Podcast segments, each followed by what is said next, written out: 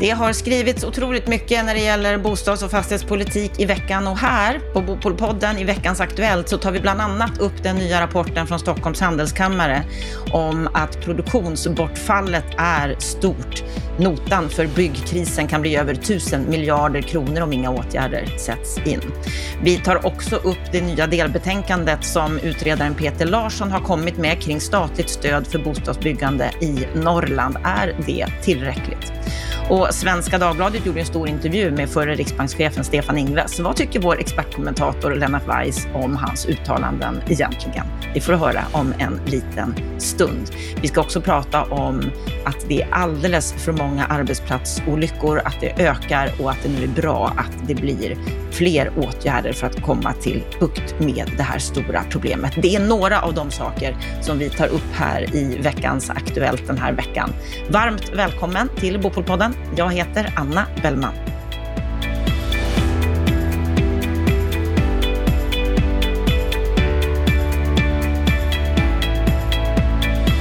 Och vi börjar den här veckan med att Stockholms handelskammare har kommit med en ny rapport som sa att notan för byggkrisen kan bli över 1000 miljarder kronor om inga åtgärder sätts in. Och då har man räknat med produktionsbortfall fram till år 2030. Och man har räknat i tre olika scenarier. Produktionsbortfallet i Stockholmsregionen beräknas till mellan 165 och 343 miljarder beroende på vilket scenario man då tittar på. Och siffrorna för hela Sverige ligger på mellan 413 och 1000 1060 miljarder. Otroligt stora summor. Lennart, du var ju med på presentationen av den här rapporten. Hur ser du på den? Jag råkade sitta dessutom bredvid statssekreteraren när han bläddrade i rapporten för han skulle sen upp på scenen något senare. Och jag kunde nog notera att han tittade på siffrorna med stort intresse, kanske också med något bekymmer för att eh, det är en extremt relevant rapport. Jag hoppas att den följs av fler motsvarande i till exempel Göteborgs och Stockholmsregionen. Jag hoppas att de handelskamrarna tar efter. För Stockholmsregionens vidkommande så har man ju kunnat se sedan 2010 på en avmattande tillväxt. Och att det finns ett tydligt samband med att bostadsmarknaden hackar och att det får följder för arbetsmarknaden, det är helt uppenbart. Eh, vi har sett väldigt tydligt i statistiken att utflyttningen av unga hushåll har accelererat under 2010-talet. Och jag skulle säga att det är resultatet av den ska vi säga, effekten av en illa fungerande bostadsmarknad som vi börjar se nu i, i siffror och som visar att, äh, att det finns ett väldigt tydligt samband mellan arbetsmarknad och bostadsmarknad som förtjänar ett stö en större uppmärksamhet i debatten.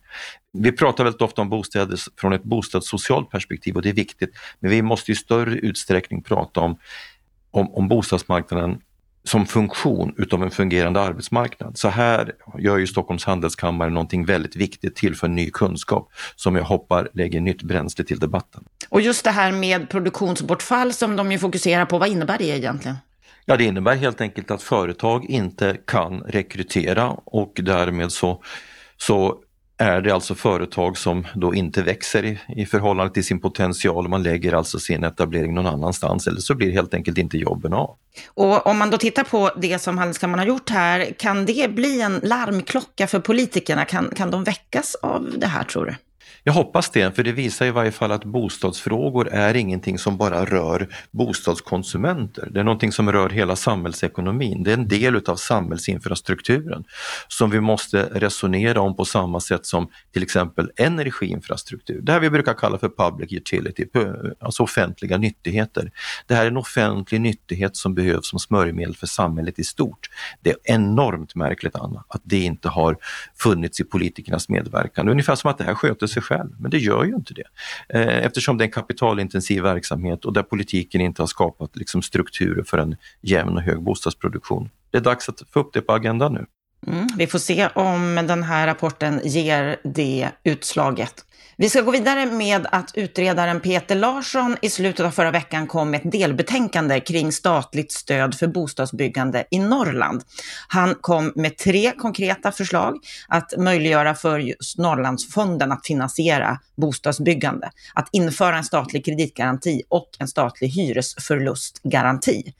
Och Lennart, du var ju positiv till de här förslagen i en första kommentar, medan Kent Persson, som ju också är expertkommentator här i Bopolpodden, han var väldigt väldigt tveksam i sin ledare i tisdags på bostadspolitik.se. Framförallt var han tveksam till förslaget om hyresförlustgarantier. Efter hans ledare, Lennart, har, har du liksom tagit eh, dina åsikter under lupp eller är du fortfarande lika positiv? För det första, Kent och jag gillar varandra och vi gillar varandra ännu mer när vi får kivas lite så det är inget problem inom redaktionen. Först tycker jag man ska säga så här, det här visar också hur bostadspolitik.se fungerar. Vi är inget politiskt parti, vi är olika individer och vi tycker att eh, mångfald i åsikter och infallsvinklar är väldigt, väldigt bra. Så att när sådana här situationer uppstår, då tycker vi att vi utför våra redaktionella plikter på högsta nivå. Sen kan man väl säga så här då att vi, vi är nog inte liksom oense om vare sig syfte eh, eller så, därför att, eh, eller eh, behovet av olika typer av verktyg. Vi är kanske lite osäkra här och nu på värderingen utav en hyresgaranti och vilken effekt det skulle kunna få. Och Kent har rätt i att en hyresgaranti behövs ju inte i första hand för att vill säga, täcka riskerna för vakanser, för det finns ingen risk för vakanser i orter som växer. Men jag har, har en liten annan infallsvinkel på det och det beror på att jag delvis var med då i intervjuerna bakom en rapport som kom, en SOU som kom 2017, SOU 2017-108 som hette Lån och garantier för fler bostäder. Och där diskuterades hyresgarantier som, en, som inte för att det behövdes för att täcka upp för risken för garantier utan för att många företag, framförallt mindre fastighetsbolag i det perifera Sverige, i landsortssverige, är svaga finansiellt. De har alltså inte tillräckligt med eget kapital. Och det problemet gäller för norra Norrland också och då förordade man hyresgarantier som ett sätt för att minska bankens risk, för banken kan inte finansiera projekt på vilka premisser som helst. Men nu är vi i ett läge där Norrland behöver både befolkningsförsörjas och bostadsförsörjas. Och då tror jag att hyresgarantier är en del av en sån nödvändig mix. Mm. Vi får se vad som händer med Peter Larssons delbetänkande här och om det kan få någon effekt för just byggandet i Norrland. Vi ska gå vidare till en stor intervju med förre riksbankschefen Stefan Ingves som vi kunde läsa i Svenska Dagbladet i helgen.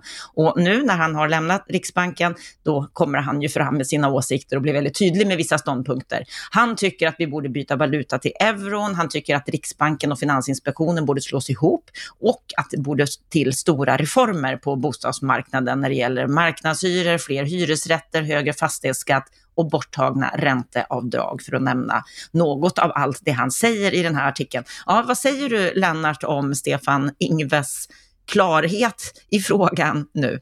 Ja, jag kan väl säga att jag inte precis saknar Stefan Ingves som riksbankschef utan det var väl verkligen hög tid att han avgick. Jag tycker man kan falla in i den här frågan från två håll. Dagens eh, Arena hade en ledare med, deras, eh, med, med Arenagruppens nya chefsekonom i, eh, här i veckan där hon påpekade att eh, det finns liksom en underförstådd eh, kod för Riksbankens agerande. Och det utgår ju från det instruktionsförbud som infördes när den självständiga Riksbanken infördes. Alltså Riksbanken är självständig och har via instruktionsförbudet på något vis en frizon som innebär att den ska inte ifrågasättas utav det politiska systemet. Men omvänt så gäller ju att då ska ju inte Riksbanken och riksbankschefen gå in i, i grunden politiska frågor och gör, göra sig till någon sorts lobbyist för sina egna uppfattningar, eller Riksbanken. Riksbanken ska inte vara en politisk aktör. Så det är min första invändning. Det är pinsamt att riksbankschefen men det gäller också förre generaldirektören Erik Thedéen, att de så ofta är ute i politisk debatt och uttrycker åsikter som är långt bortom deras eh, mandat eller, eller ansvarsområden. Men nu då när han har avgått och liksom inte längre är riksbankschef, har han inte rätt att göra det nu? Absolut, men är, han sa ju precis samma saker som riksbankschef. Men då kan vi gå över då, så att jag vill ändå kommentera att eh, det, det här gäller även för Erik Thedéen. Sluta lägga er i politiska frågor. Jag tror att vi minns mycket väl en utfrågning eh, i, i finansutskottet som var i första kammaren där både Thedéen och Ingves flinade hånfullt åt politikerna och pratade mästrande om precis den här politiska häxbrygden som han ju presenterar i den här intervjun också. Och då tittar vi på det hela i sak. Då. Ingves säger att han vill ha fler hyresrätter och sen vill han, han vill höja fastighetsskatten och han vill sänka ränteavdraget. Förlåt, han vill till och med ta bort ränteavdragen. Det visar hur ogenomtänkt han är. Han vill alltså ha fler hyresrätter för att minska, den och eh, minska skuldsättningen. Ja men ursäkta, vem ska finansiera hyresrätterna? Jag vill bara påminna om att Riksbanken för ju en retorik och även Finansinspektionen om att det är ett problem med skuldsättningen hos hushåll, fastighetsbolag och att bankerna blir exponerade mot bostadssektorn. Ja men det spelar ju ingen roll om vi bygger hyresrätter eller om vi bygger ägda bostäder, de ska finansieras. Och jag bara gjorde ett räkneexempel på, på Handelskammarseminariet. Om, om, om Boverkets planer på att, eh, eller ska vi säga behovsprognos på att det behöver byggas 67 000 bostäder per år multipliceras med sju år. Då får vi 469 000 bostäder. Och så räknar jag på att en hyresbostad ska finansieras med 3 miljoner i genomsnitt och en ägd på 3,4. Så kommer jag fram till att de här bostäderna behöver då finansieras med 1500 miljarder. Skulle vi bara bygga hyresrätter så skulle det bli alltså lite mindre, men inte särskilt mycket. Och de ska finansieras. Så finansieringsproblematiken utifrån ett riskperspektiv blir inte mindre, Stefan Ingves, för att man bygger hyresrätter. Utan det är någon som ska finansiera det här och då ska det fram både eget kapital och lånat kapital. Jag kan säga att det finns inte tillräckligt med eget kapital för att bygga allt det här som hyresrätter. Och det finns dessutom ett, ett, ett uppenbart behov att det här ska finansieras som lån i bank. Så det är det första. Det andra är ju fastighetsskatt och ränteavdrag. Ja, vill man ha ett prisfall och göra hushållen fattigare, då ska man ju agera efter, efter hans receptbok. Men det skulle ju vara fullständigt skadligt för hela samhällsekonomin. För vi ska ju komma ihåg att de här prisökningarna som skedde då i, i slutet av 00-talet, det drevs ju bland annat av att man tog bort fastighetsskatten. Skulle vi nu gå omvänd väg, och det här har ju Robert Boye räknat på, skulle man ta bort ränteavdragen så skulle det leda till ett prisfall, om jag minns rätt så sa Boye på på ungefär 30 procent. Det finns en DN-debattare på det där. Och så skulle man göra det här tillsammans så skulle man ju skapa en, en, en en kris i bostadsmarknaden som skulle slå mot det finansiella systemet. Så vill man utlösa en risk för det finansiella systemet, då ska man ju göra precis det Stefan Ingves önskar. Så det här visar ju bara att hans förmåga att göra konsekvensanalyser, den var ju helt värdelös redan när han var riksbankschef och den har inte blivit bättre för att han avgick. Han visar ju verkligen mycket eftertryckligt att han förstår inte hur bostadsmarknaden fungerar. Vi lämnar Stefan Ingves med den uppmaningen och istället så går vi vidare till en fråga som ju verkligen har skakat om branschen och satt ljuset på vikten av att det måste hända någonting, nämligen arbetsplatsolyckorna som ju har ökat i antal. Och i förra veckan så samtalade regeringen med flera branschorganisationer om just de allt för många arbetsplatsolyckorna. Och samtidigt så kom Socialdemokraterna med tio krav för att minska dödsolyckorna. Bland annat så efterlyser de en lag om att begränsa antalet underleverantörer. De vill inrätta en bred kriskommission, att Arbetsmiljöverket ska ha fler inspektörer och genomföra fler inspektioner och att skyddsombuden alltid ska vara knutna till facket. Hur ser du på de här åtgärderna som de vill få till, Lennart? För det första är det bra att det politiska systemet vaknar ordentligt i den här frågan. Eh, det finns också flera bra förslag. Sen är det lite pyttipanna över hela liksom, eh, presentationen. Det märks att man ganska snabbt rafsade ihop ett antal saker för att göra ett utspel. Men det är ändå vällovligt. Vi ska komma ihåg en sak att ett perspektiv på de här gängskjutningarna som, som media uppmärksammar varje dag och som, som ju med all rätt skapar upprördhet. Det är ju att antalet människor som dog i arbetsplatsolyckor förra året är faktiskt dubbelt så många som människor som avled av gängskjutningar. Bara för att sätta saker och ting i perspektiv.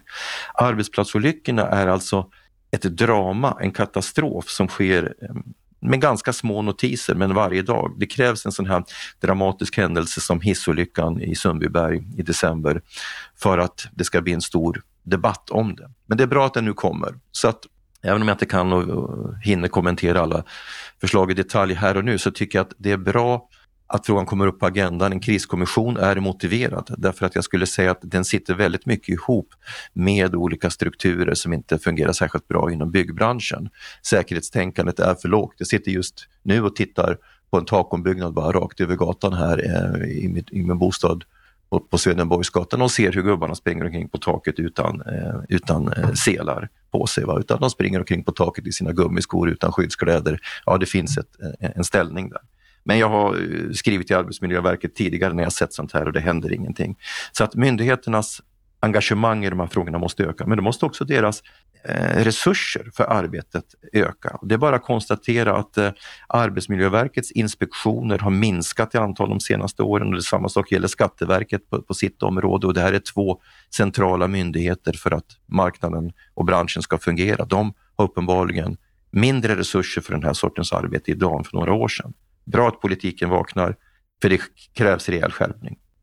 Vi får se vad som händer på området, som du säger, det behöver ju göras saker. Vi går vidare, Lennart, till en ledare som du skrev för ett par veckor sedan på bostadspolitik.se om den statliga banken SBAB, där du föreslog att staten skulle kunna sänka avkastningskraven på banken. Och det var ju något som vår andra expert Viktor Mandel inte riktigt höll med om. Socialdemokraterna, de gick sedan ut och föreslog samma sak som du, plus att man också ville att SBAB skulle breddas och bli mer av en fullservicebank. Finansmarknadsminister Niklas Wykman, han är inte alls förtjust i de här tankarna. Han säger till Altinget, att utforma hela sin politik utifrån ett år eller ett kvartal, det är inte riktigt seriöst sätt att närma sig frågeställningen på. Och han kallar förslagen för populistiska. Vad säger du om det, Lennart?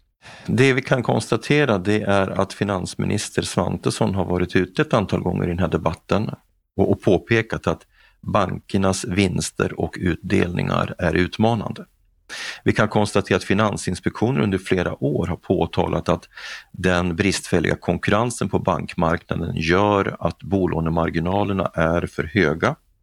De har många gånger ifrågasatt det faktum att bankernas, skillnaden mellan bankernas listpriser är extremt låg och att, att det är svårt för konsumenterna att vara aktiva konsumenter och byta bank i praktiken. Så att problembeskrivningen verkar ju i varje fall finansministern vara tämligen e- ensam. Finansmarknadsministern, har han en annan uppfattning? Nej, det tror jag inte. Problemet är att han har inga förslag till åtgärder själv. Och då slår han lite vilt omkring sig och kallar de inspel som görs ifrån oppositionen och eh, ytterst obemedlade undertecknad eh, i debatten som populistiska. Mm. Men vad tycker han själv då, då? Vad är regeringens förslag för att öka konkurrensen på bankmarknaden? Hur ska svagare konsumenter göra sig eh, hörda. Och då är ju ett välkänt marknadsliberalt recept att gör, vidta åtgärder för att främja konkurrensen. Och statens egen bank skulle kunna främja konkurrensen. Och förslaget från Socialdemokraterna om att bredda SBABs mandat till att också ha lönekonton, det är en väldigt bra idé därför att en viktig, ett viktigt skäl till att affärsbankerna kan jobba med högre marginaler, vinstmarginaler än SBAB beror ju på att de kan tillgodogöra sig den så kallade floaten, de pengarna som du och jag har över natten när vi gör en transaktion. Vi använder ju dem som en del av sin kortfristiga finansiering. Det kan inte SBAB göra och då tvingas de jobba med lägre vinstmarginaler och ha svårare att fungera som prispressare. Så jag tycker Socialdemokraternas förslag är alldeles utmärkt. Och då blir frågan till Wykman, vad tycker du själv då? Vad vill du själv göra för att bidra med för att bankkonkurrensen ska öka och för att framförallt svagare konsumenter på bolånemarknaden inte ska skörtas upp? Alltså de konsumenter som inte kan förhandla om sina bolån som du och jag kan, Anna, för den styrkan har ju vi. Så att eh, det var tämligen tomt i skafferiet hos herr Wykman. Gör om, gör rätt. Mm, vi skickar den frågan till honom, vad är det han vill egentligen? Och så går vi istället vidare till att det är över en miljon hyresrätter landet runt som fortfarande saknar de nya hyrorna för 2024, trots att det snart är mars. Ja, Hyresförhandlingarna landet runt har hamnat i särskilda processer för konfliktlösning och det är en ny lag som förändrar spelplanen för hyressättningen. Det nya är att det är väldigt många privatvärdar som inte använder sig av HMK, Hyresmarknadskommittén för tvistlösning. De har börjat luta sig mot en lagändring från förra året, från 2023, där de ber om hjälp av en skiljeman för att sätta hyrorna för 2024. Och lagen den ger skiljemannen sex veckor för att höra de olika parterna och fatta ett ensidigt beslut om en lämplig hyreshöjning, ett beslut som inte går att överklaga. Ja, vad säger du Lennart, när förhandlingarna strandar, när man inte kommer överens om hyresnivåerna, att det då är en skiljeman som tas in på det här sättet? Hur, hur ser du på den här situationen? Det är väl ganska uppenbart att systemet håller på att haverera. Om det finns 724 ärenden i Stockholm och över 70 allmännyttor tar frågan om, om, om, om hyresförhandlingarnas resultat till hyresmarknadskommittén, då börjar det knaka i fogarna rejält. Och jag hör ju faktiskt fler och fler röster ifrån allmännyttan som säger, som säger själva att treparten fungerar inte. Och då ska vi ju veta att det är ju Hyresgästföreningen och allmännyttan som har försvarat treparten allra hetast, fastighetsägarna också. Men, men, men där tror jag att det kommer ske en omsvängning. Och sker det en omsvängning hos allmännyttan, ja då havererar hela trepartsöverenskommelsen och då får vi en helt ny debatt om hyressättningssystemet. Så att jag skulle nog säga så här att det vi ser nu, det är ytterligare ett exempel på att hela hyressättningssystemet är under debatt. Eh, det är under ifrågasättande, allt fler, allt fler är kritiska till systemet och det här kommer sätta press på Hyresgästföreningen. Så jag är tillbaka till att till den, det, det, förslag som jag, har present, som jag har eh, redogjort för flera gånger. Hyresgästföreningen måste förändra sitt sätt att eh, förhandla och införa en nationell komponent och vara beredd att sätta ett märke utifrån sådana ekonomiska variabler som slår lika över landet. Alltså säkerställa att hyresförhandlingarna bedrivs mera som löneförhandlingarna på arbetsmarknaden. Gör de inte det så tror jag att hela ekipaget kommer att välta och då blir det med en rejäl krasch. Så att eh, prövningarna för systemet ökar. Hyresgästföreningen kommer att tvingas till någon typ av revision utav sitt arbetssätt här. Annars så tror jag att både systemet och de själva är illa ute. Ja, det är mycket som har hänt i veckan. Det har skrivits så många olika saker när det gäller bostads och fastighetspolitiken. Och vi ska avsluta veckans Aktuellt härifrån Bopolpodden med en debattartikel i Dagens Industri. Att industripolitikens återkomst innebär en renässans för symbiosen mellan staten och kapitalet. Såväl ekonomisk teori som historiska erfarenheter visar att detta är ett misstag. Det här skriver forskarna Magnus Henriksson och Christian Sandström och Mikael Stenkul Kula som precis har lanserat boken Moonshoots and the New Industrial Policy Questioning the Mission Economy. Där deras gemensamma slutsats är att den storskaliga industripolitikens återuppståndelse är ett historiskt misstag. Vad säger du om deras slutsats här, Lennart? Väldigt svårt att kommentera kort, men jag skulle väl säga att de är ganska selektiva i sitt sätt att, att beskriva modern industrihistoria. Jag kan hålla med om att eh, industripolitiken som den drevs på 70-talet där man i praktiken försökte rädda döende elefanter var ett misstag. Men det var ju industripolitik i ett defensivt arbetsmarknadssyfte. Går vi hundra år tillbaka i tiden och, och, tittar på hur industripolitik fördes då. Jag menar, var det fel att staten gick i bräschen för att bygga ut Norrlandsälvarna för att få fram den energin som de nya järnbruken och, och stålfabrikerna behövde. Var det fel? Var det fel att staten gick i bräschen för kärnkraftens utveckling under 50 och 60-talet? Har, har Asien gjort fel som, som har byggt den typen av symbios? Tänker på Sydkoreas industriella under eller det kinesiska. Det hade inte kommit till stånd utan den symbiosen. Och det är ju tack vare, eller på grund utav de här tigerekonomierna som västvärlden har tvingats eh, gå ifrån sin renodlade marknadsliberala politik därför att annars hade vi gått under. Eller om vi tittar på läkemedelsmarknaden. Det är uppenbart att läkemedelsföretagen mer har jobbat på att klona framgångsrika läkemedel än att forska till exempel på de problem som ligger bakom hörnet. Vi har en antibiotikaresistens som är ett akut hot som inte kommer att lösas utan att det amerikanska läkemedelsinstitutet, eh, det statliga, går i bräschen för forskning. Det finns helt enkelt inte intresse eh, i dagens kvartalskapitalistiska ekonomi att göra de stora forskningsinsatser eller de stora investeringar som krävs för att lösa stora samhällsproblem. Och då är vi vid klimatkrisen. Klimatkrisen är en typ av globalt hot som inte kan lösas enskilt av, av, av olika företag som jobbar på med kortsiktig lönsamhet som mål, utan det krävs riskdelning.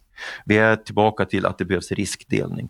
Att staten själva ska driva projekt, det tror jag inte på, men att staten i symbios med, med näringslivet måste göra det. Det, det. det, tror jag är helt uppenbart. Och vad gäller eh, de här industriprojekten så har de ju fundamentalt fel i ett avseende.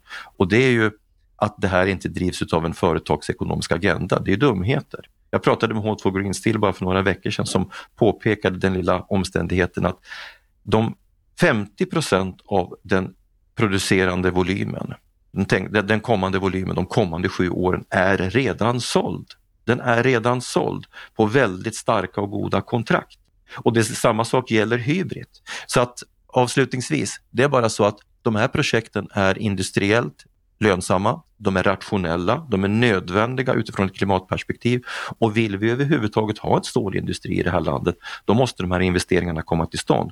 Men tro att de här företagen kan bära de här investeringarna själva, det är helt omöjligt. Det krävs en riskdelning men självklart så måste det till en företagsekonomisk kalkyl i botten. Det är väl bara en himla tur att det inte är Magnus Henriksson som är VD för SBA, SSAB eller för H2 Green Steel för då skulle ingenting hända. Så tillbaka till era läroböcker boys. Det är bra att industrialisterna och industriföretagarna hanterar det här själva. Jag, jag, jag är inte jätteimponerad av de här inläggen måste jag säga. De kommer att få fel och om några år så kommer de väl att tvingas erkänna det också. Ja, och vi andra, vi får titta på vem av er som egentligen var den som fick rätt. Tack Lennart Weiss för dina kommentarer i veckans Aktuellt den här gedigna, intensiva veckan. På måndag då kommer du tillbaka igen, för att då ska vi prata om det vi tog upp i Bopolpodden för några veckor sedan, om att nio av tio företag i byggbranschen får rabatter som de väljer att inte redovisa för sina kunder. Att fusket är omfattande, systematiskt och taktiskt. Och då, Lennart, efterlyste du att Ola Månsson från installatörsföretaget företagen skulle komma till podden, vilket han också har gjort. Jag tänkte då, jag sa att det är väldigt många småföretag och de måste se hur, och väldigt många av dem är ägda av dem själva. De måste se hur ska de få pengar i kassan och då kan det uppstå felaktigheter som du kallar fusk och, och det är ju fusk kan man säga, eller det, det är inte riktigt, det är inte transparent. Ja, där hörde du Ola Månsson. På måndag hör vi hela samtalet med honom. Ett samtal som kommer att kommenteras av Lennart Weiss. Med detta så önskar vi dig en riktigt trevlig helg och hoppas att vi hörs på måndag igen.